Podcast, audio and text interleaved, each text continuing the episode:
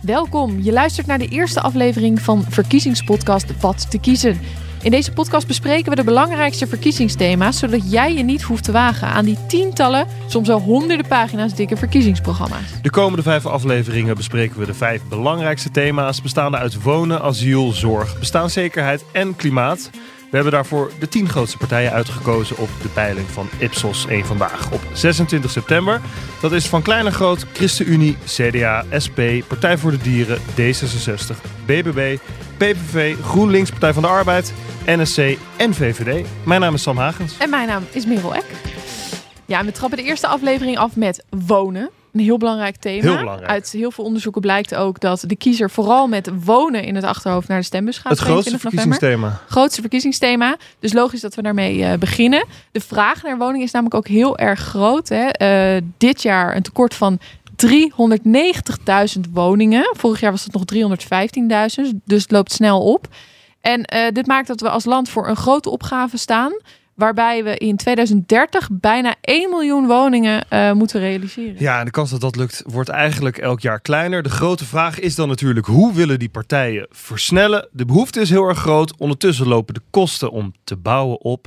En daar komt ook nog, nog eens bij dat je rekening moet houden met stikstofregels en de duurzaamheid van een woning. Ja, laten we eventjes beginnen met voor wie de partijen gaan bouwen. Hè. Uiteindelijk gaat het er namelijk om dat iemand een plek heeft, een dak boven zijn hoofd. Nou ja, eh, om even te kijken hoe het leeft, is collega Mark Kambers voor ons de straat opgegaan. Ik ben nu een beetje aan het kijken ehm, met het vriendinnetje naar appartement, maar het gaat wel een beetje lastig. Ik ben inderdaad ingeschreven, alleen de wachtrij is ook gewoon eh, lang. Dus op mijn dertigste kan ik uit huis, denk ik. Ik kan me voorstellen dat er nu eh, wat meer ko- eh, kantoren leeg komen te staan. Omdat mensen meer thuiswerken, hybride werken. Dus daar kan je denk ik ook nog een hele slag slaan. Ook met de gemeente zo, het is allemaal best wel lastig. Ze hebben gewoon veel te veel eisen waar alles aan moet voldoen en zo. Dat je niet met z'n vieren mag wonen. Ja, als jij met z'n vieren een huisje wil kopen en je kan dat, dan is dat alleen maar mooi. Dus dat zou een oplossing ook kunnen zijn voor jou, om Ja. met, met meerdere mensen te kunnen kopen. Ja, voor mij wel. meer bouwen voor, eh, voor de jongeren, voor de kleine gezinnen. Eh, dat er weer doorstroming komt. Ook voor de ouderen trouwens, die op, naar een eenspersoonshuishoudentje zitten en, en op een kleiner appartement kunnen gaan, eh, gaan wonen. En ik zelf denk eh, dat het jammer is dat er geen bejaardentehuizen meer zijn. Goed tegen eenzaamheid. Iedereen lekker bij elkaar wonen. Komen huizen vrij. Die kunnen ook nog weer opgesplitst worden vaak. Dus ja, ik denk dat daar ook een soort door, eh, doorstroom doorkomt. Wat opvalt, partijen zijn het eigenlijk best wel vaak eens als het gaat over voor wie. Van links tot rechts hebben ze het allemaal over het bouwen van sociale huur, middenhuur, betaalbare koopwoningen, zodat die starters en mensen met een middeninkomen ja, geholpen kunnen worden bij het vinden van een huis. Ja, en dan heb je ook nog bijvoorbeeld studentenwoningen. Dus een groot tekort aan studentenwoningen. Ook van links tot rechts. De meeste partijen vinden dat een belangrijk onderwerp. Alleen eh, de PVV, CDA, ChristenUnie en de SP... die schrijven dan niks over het bouwen van studentenwoningen. Eh, en dan van Wel de studenten... misschien ervoor zorgen dat er minder studenten deze kant op bijvoorbeeld komen. Ook. internationale studenten, dat je daardoor weer genoeg eh, eh, woningen hebt. Dus daar wel, maar over het bouwen van studentenwoningen niet. Grotere verschillen zie je als het gaat om de sociale huur. Hè. Dan heb je het over hoeveel sociale huur er vooral gebouwd moet worden. Als je dan kijkt naar NSC, BBB en de ChristenUnie, die houden zich aan eh 30% Maar bijvoorbeeld GroenLinks en PvdA, die willen dat het naar 40% eh, gaat. Eh, en andere partijen die noemen dan weer geen specifieke aantallen. Ja, en de VVD heeft toch ook wel een opvallend punt. Ze zeggen eh, het moet mogelijk zijn om sociale huurwoningen, waar dus al een tekort aan is, om die te kopen. Ehm, we vroegen lijsttrekker VVD, van de VVD Jessegus of deze sociale huurwoningen bij de uiteindelijke verkoop dan wel weer terugkomen op de sociale huurmarkt of niet. Nou, wat ook heel belangrijk is, dat we ondertussen ook meer bouwen. Dus als die sociale huurwoningen worden opgekocht, dat er ook meer sociale huurwoningen worden gebouwd daar waar nodig. Eh, dus dit kan weer terug op de markt komen. Dat kan als koop. Eh, maar voorwaarde is wel, en dat is eigenlijk de sleutel voor meer woningen, blijven bouwen, bouwen, bouwen in alle segmenten. Ja, een term die we vaker bij de VVD hebben gehoord. Bouwen, bouwen, bouwen. Ja, Daniel Koerhuizen, die, die wordt nog gemist straks eh, om eh, deze uitspraken. Eh, SP is het hier overigens helemaal niet mee eens. Met het plan van de VVD. Nee, die willen namelijk de verkoop van sociale huurwoningen juist verbieden. GroenLinks PvdA is dan weer niet helemaal tegen de verkoop, maar die vindt dan wel dat er twee voorwaarden aan moeten zitten. En als je ehm, het koopt, dan moet het door een particulier gekocht worden. En die moet er dan ook echt zelf in gaan wonen. En als die particulieren die woningen dan vervolgens weer willen doorverkopen, dan moet eh, eh, de woningcorporaties die moeten dan weer het recht op eerste koop eh, krijgen, zodat ze het weer terug kunnen kopen. Ja, duidelijk. Dus voor wie de partijen willen bouwen, dat weten we. Maar dat bouwen dat gaat gewoon nog heel lang duren. Dus wat doen de partijen voor de mensen die nu een woning nodig hebben, maar die moeilijk kunnen krijgen? Ja, nou ja, neem de huurprijzen. Ontzettend hoge huurprijzen. Partijen willen daar op verschillende manieren aan sleutelen. ChristenUnie vindt dat de huur niet verder mag stijgen dan de inflatie. Eh, D66 en Partij voor de Dieren willen de plannen voor een maximale huur doorzetten. SP vindt zelfs dat huurprijzen omlaag gebracht moeten worden. En GroenLinks en PvdA en de PVV die zijn het ook met elkaar eens dat er niet bezuinigd mag worden op die huurtoeslag die veel mensen nu krijgen. En als je geen huurhuis wil, maar een koopwoning, dan heb je natuurlijk een hypotheek nodig. Ik merk echt bij mensen bij mij in mijn omgeving. Sommigen worden echt wanhopig op het moment als, je een, uh, als ze een huis willen kopen. Um, over die hypotheekrenteaftrek gesproken. Dat is natuurlijk ook een, een, onderwerp waarvan de VVD dan zegt: ja, dat willen we niet veranderen. Dat is al een beetje versoberd de afgelopen jaren, best wel. Uh, SP, ChristenUnie, GroenLinks, Partij van de Arbeid en D66 zeggen: ja, nee, daar moeten we juist verder vanaf. Zij vinden dat mensen met een koopwoning te veel voordeel hebben door die hypotheekrenteaftrek. Ja, en dan heb je ook nog die studieschuld. Uh, hè, als je dan een hypotheek gaat aanvragen, je wil als starter eindelijk een woning kopen je gaat naar een hypotheekverstrekker en je moet je studieschuld melden. Dan gaat er opeens heel veel van je hypotheek af. Nou, sommige partijen willen daar wat aan doen. Bijvoorbeeld de VVD wil dat je studieschuld minder mee gaat wegen. BBB die wil überhaupt niet dat je studieschuld mee gaat wegen. Dus die laten heel die studieschuld links liggen. Daarvan kun je je trouwens wel afvragen, is dat zo verstandig? Hè? Want als je een hypotheek afsluit, dan zijn die kosten vaak best wel hoog. Als je dan die studieschuld helemaal niet laat meewegen dan kunnen die maandelijkse lasten nog veel hoger zijn. Terwijl je misschien je, schuld ook al moet aflossen. Ja, al zeggen dan studenten, punt 1, is ons ooit beloofd dat de hypotheek dat het niet zou meetellen. Punt 2, uh, hè, de uh, afbetalingsregelingen bij een studieschuld zijn zo gunstig. Ja, uh, wat moet dat zo zwaar meewegen? Maar goed, BBB vindt dus van niet. En dan heb je bijvoorbeeld het CDA, die vindt wel dat het mee moet wegen, maar die wil dat wel anders dan dat het nu is. Nou, wij zeggen dus dat, dat je echt moet kijken naar de, de, de, de actuele stu, uh, studieschuld. Hè, dus dat moet meewegen, dus hoeveel heb je al afbetaald enzovoorts. Maar wij staan er ook zeker open voor als andere partijen goede ideeën hebben om, om dat helemaal niet mee te wegen. Dan, dan zijn wij ook best wel bereid om mee te gaan. Maar het moet gewoon uitvoerbaar zijn, want het is wel een schuld die je hebt. Dus je kunt ook niet doen alsof die er niet is. Nee. Bontebal trouwens, eh, man die heel scherp is op de inhoud, maar wel een lastige campagne voor hem dit. Om op te vallen als een hele kleine partij in, in de peilingen. Ja, dan is zo'n podcast natuurlijk de Fijn dat hij erin Ja, heel fijn voor, voor Henry Bontebal. Laten we ook even inzoomen op de voorrangsregelingen. Want er zijn natuurlijk bepaalde groepen die voorrang krijgen. Die persoonlijk uh, nou ja, problemen hebben thuis. Uh, VVD, BBB en NSC uh, noemen het voorbeeld. wat zij heel belangrijk vinden is dat je maatschappelijke beroepen voorrang geeft. Dus bijvoorbeeld mensen in zorg of een, of een leraar, dat die dichter bij die school uh, kan wonen. BBB en NSC willen eigenlijk zelfs nog een stapje verder gaan. Zij zeggen dat lokale binding voor hen een reden is om voorrang te geven op een woning. Als je kijkt naar bijvoorbeeld Amsterdam, daar trekken heel veel echte Amsterdammers weg. Naar uh, Lelystad of naar Almere. En je wil eigenlijk ook de authenticiteit van een stad behouden. Hè? Dus uh, de echte Amsterdammers, die worden wel in Amsterdam gemist. Dus dat kan ook, dat zou kunnen. Wat ik me dan dus afvraag, hè, ik ben dus ooit uit Hoogveen weggegaan, woon nu in de Randstad. Ik wil eigenlijk wel op een gegeven moment terug naar Drenthe. Ja. Maar heb ik dan, wat ben ik dan? Als daar Caroline ligt, ben je hartstikke welkom om terug te komen in, in Drenthe, denk ik. Ja, ja zou het? Dat, ja, dat, vraag ik me dan wel. Wanneer ben je een echte, echte Drenthe en wanneer niet? uh, dit, ik, ik wil terug naar Drenthe. Dat is, uh, nou ja, er zijn ook uh, partijen die, juist groepen die nu voorrang krijgen. Hè? Ja. Dit is een plan om groepen die nu nog geen voorrang krijgen, voorrang straks te gaan geven. Er zijn nu ook al groepen die voorrang krijgen, bijvoorbeeld statushouders. En er zijn partijen die zeggen, ja, dat vinden we uh, te ver gaan, dat willen we niet meer.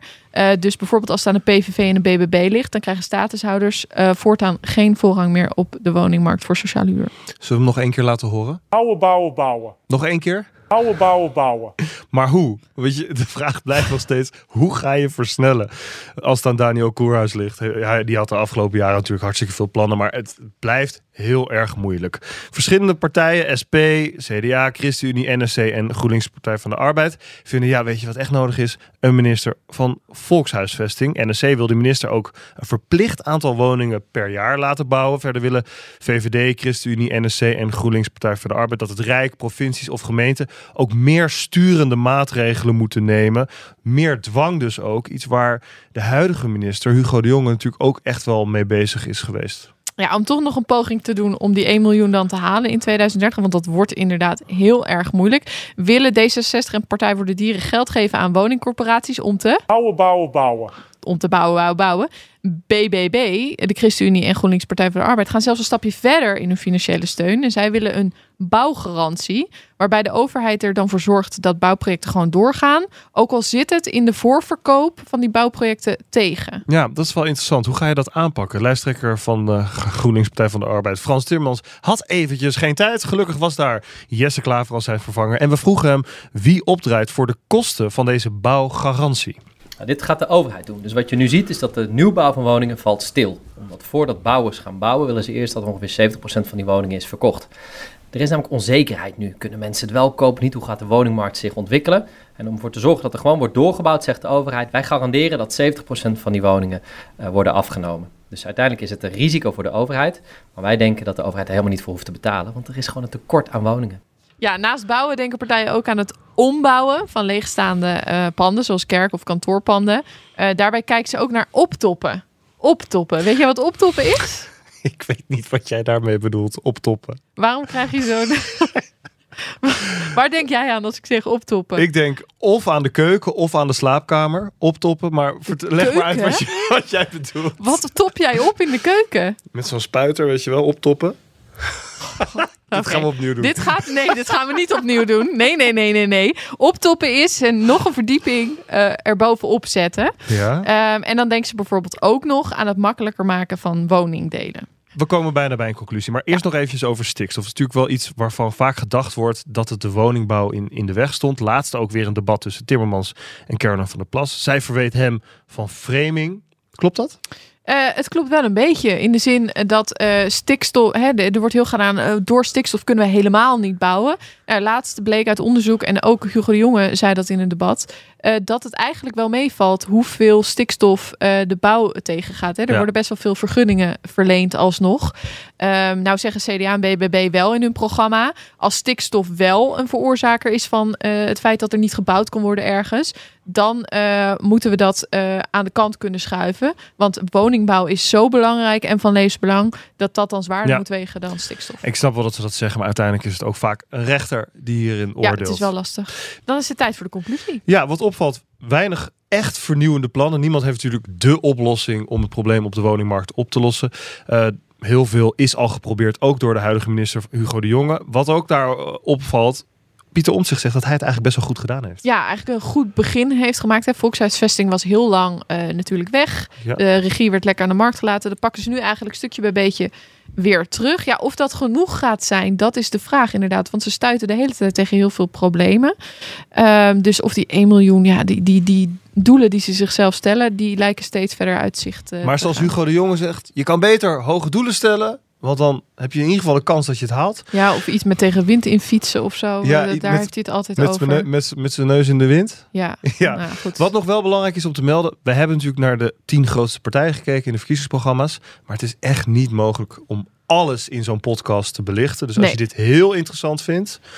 Als je wonen super belangrijk vindt, eh, ga dan vooral en je twijfelt nog tussen een aantal partijen. Je zal vast niet tussen alle partijen twijfelen.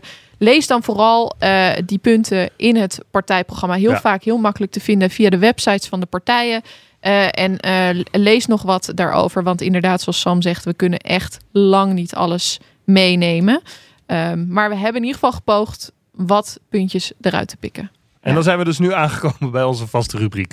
Naast de vijf thema's die we bespreken, zijn er natuurlijk nog veel meer opvallende standpunten in al die verkiezingsprogramma's. En we pikken er altijd een paar uit. Verkiezingsprogramma moet je ook zien als een wensenlijst. Nou ja, goede tip. We kunnen het niet meer aanpassen. Is het dan weg met de sushi, weg met de pizza en de stampot terug op tafel? Nee joh. Meer oog voor elkaar en minder voor de smartphone. Hoe zien we dat voor ons? Als het lukt zonder de VVD, heel graag. Welke ga ik u zeggen? Dankjewel. En ik hoop dat je ook precies dit stuk dan gaat uitzenden. Gezin is belangrijk. CDA is een gezinspartij. Ja, ik begin wel eventjes. Want ik kwam iets tegen in het programma van de ChristenUnie. Zij pleiten voor een nieuwe eetcultuur. Oké. En daarin moet de boer, die moet daarin centraal staan. En collega Janot van Beurden, die vroeg Mirjam Bikker even hoe zij dat voor zich ziet. Is het dan weg met de sushi, weg met de pizza en de stampot terug op tafel? Nee joh, het is vooral zo dat wij echt boeren willen steunen. En wat is het belangrijk? Nederland heeft een prachtige landbouwsector. Ik ken jonge boeren die van harte daar werk van maken.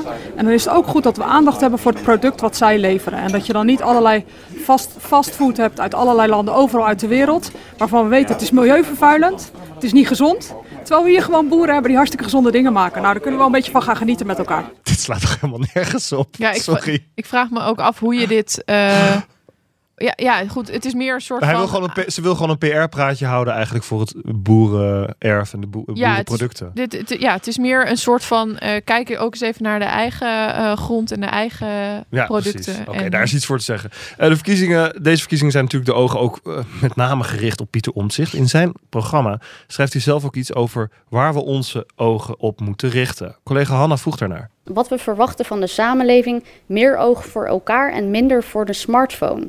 Hoe ziet u dat voor zich? Hoe zien we dat voor ons?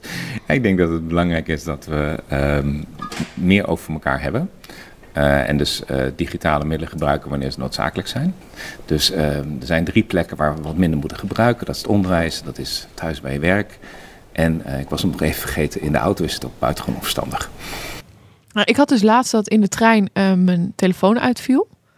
En toen keek ik Oh om me God. heen. Ja, het was, ja, maar dan de paniek. Eerst paniek. Ja. Maar dan kijk je om je heen en dan denk je, verrek joh. Ik zit gewoon... Niemand kijkt inderdaad om zich heen. Iedereen zit zo ja, maar vroeger op- zat iedereen de krant te lezen. Oké. Dat is heel normaal, toch? Opa vertelt. Dat was hem dan, onze eerste verkiezingspodcast. Merel, dankjewel dat je dit samen met mij wilde maken. ja, tuurlijk joh. En jij ook bedankt voor het luisteren. Volgende keer praten we hierbij over alles rondom asiel. Tot dan. Dit was Wat te kiezen, een podcast van Hart van Nederland. Redactie en verslag door Hanna Warner, Jano van Beurden en Mark Kampers. Productie is gedaan door Daniel Bom en de grafische vormgeving komt van Daniel Bohus.